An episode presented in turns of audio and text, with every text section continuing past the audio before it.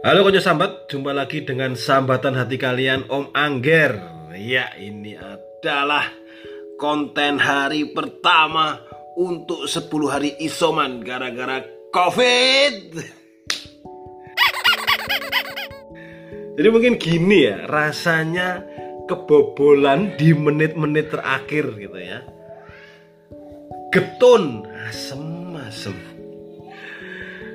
Oke konco sahabat, jadi Om Angger hari ini tanggal berapa nih? 24 Januari itu dinyatakan positif Covid. Ini untuk pertama kalinya dalam hidupku aku akhirnya kena Covid ya. Sejak Covid ada tahun Maret 2020. 2 Maret atau 3 Maret itu kasus pertama Covid di Indonesia.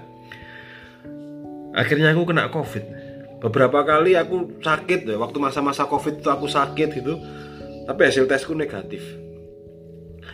Lalu awal tahun 2022 itu anak istri ibu mertua itu positif covid. Tinggal satu rumah aku yang ngerawat isoman bareng.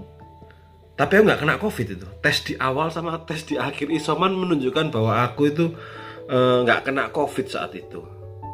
Tapi ya mungkin karena ini benteng apa namanya lini serangku lagi sibuk ngurusin nurun nurunin kolesterol ya.